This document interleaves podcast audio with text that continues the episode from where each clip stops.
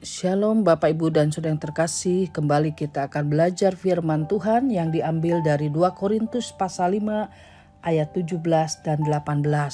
Demikian bunyi firman Tuhan. Jadi siapa yang ada di dalam Kristus, ia adalah ciptaan baru. Yang lama sudah berlalu, sesungguhnya yang baru sudah datang. Dan semuanya ini dari Allah yang dengan perantaraan Kristus telah mendamaikan kita dengan dirinya dan yang telah mempercayakan pelayanan pendamaian itu kepada kami.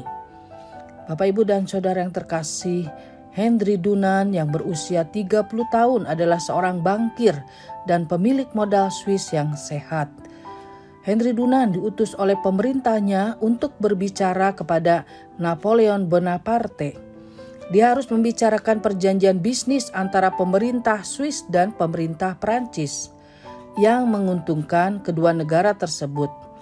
Tetapi Henry Dunan terlambat karena pada saat itu Napoleon Bonaparte sedang melakukan persiapan perang melawan orang-orang Austria. Henry Dunan berusaha terus untuk bertemu Napoleon, tetapi dia sudah sangat terlambat. Kereta kudanya berhenti di sebuah puncak bukit di mana dia bisa memandang pertempuran yang sedang terjadi. Henry Dunan bagaikan terjebak dalam sebuah penjara karena melihat para serdadu terluka dan sekarat. Terdorong oleh rasa belas kasihan, Henry Dunan kemudian memutuskan untuk tinggal di tempat terjadinya perang dan membantu para serdadu yang terluka. Kemudian Henry Dunan kembali ke Swiss, tetapi dalam beberapa tahun berikutnya dia menjadi orang yang fanatik dalam masalah perdamaian dan belas kasih. Pada konferensi Jenewa yang pertama, seorang diri dia memprotes adanya perang. Dan pada tahun 1901, Henry Dunan menerima hadiah Nobel Perdamaian untuk pertama kalinya. Tahun 1910, Henry Dunan meninggal.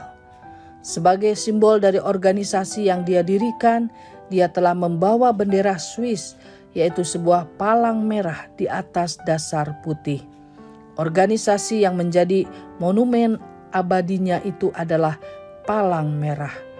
Dia kemudian dikenal dengan sebutan Bapak Palang Merah Sedunia.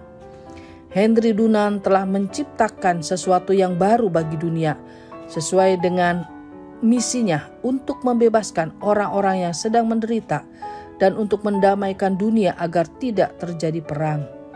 Bagaimanakah dengan kita sebagai orang-orang percaya? Sebagai orang yang telah diperdamaikan dengan Allah, kita pun akan menjadi pembawa damai bagi sesama kita. Di mana ada perselisihan, pertengkaran, dan kemarahan, maka jadilah pelita yang memancarkan terang perdamaian kepada mereka. Banyak orang Kristen yang justru menjadi biang perselisihan karena mereka tidak menyadari misi apa yang seharusnya mereka bawa di dunia ini. Dan mereka sendiri pun belum berdamai dengan Allah. Karena dosa dan pemberontakan manusia, maka terputuslah hubungan antara Allah dan manusia.